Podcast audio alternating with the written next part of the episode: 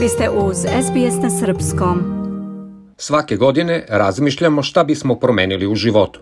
Da li će to biti zdravija ishrana, više vežbanja i fizičkih aktivnosti, nova i stara prijateljstva, način na koji se nosimo sa stresom kod kuće i na poslu.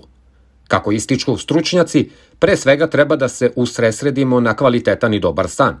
Dobar san pozitivno utiče na dobro raspoloženje, poboljšava nivon energije, pa je lakše ostvariti snove i ciljeve. Savet je da je za kvalitetan san potreban kontinuitet tokom svake noći. Tako prelazimo sve četiri faze sna, gde svaki ciklus traje do 90 minuta. Većini ljudi potrebno je 7 do 8 sati sna.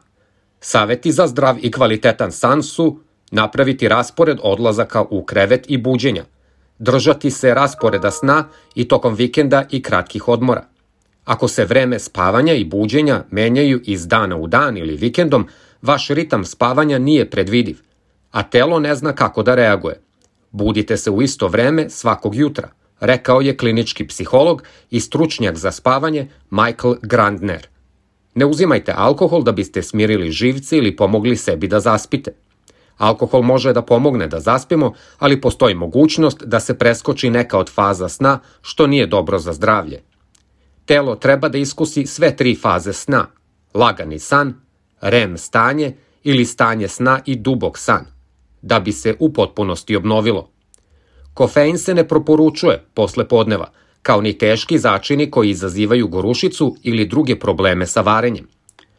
Postoji mnogo više načina da trenirate svoj mozak da zaspi i ostane u snu. Dobre navike uključuju eliminisanje plave svetlosti i buke, tople kupke ili jogu za opuštanje i održavanje spavaće sobe hladnom i bez elektronskih uređaja.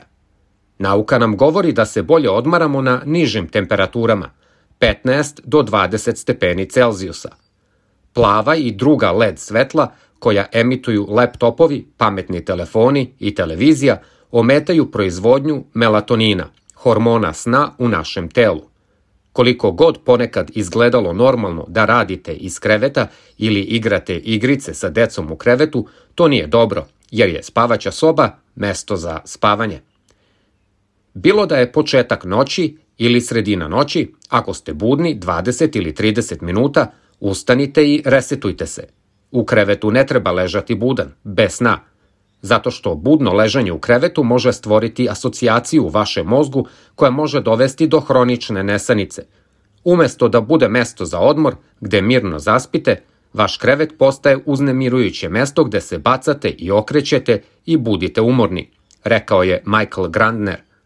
Možda će vam biti potrebna profesionalna obuka za spavanje ili poseta specijalisti za spavanje da biste isključili apneju ili ozbiljne poremećaje spavanja.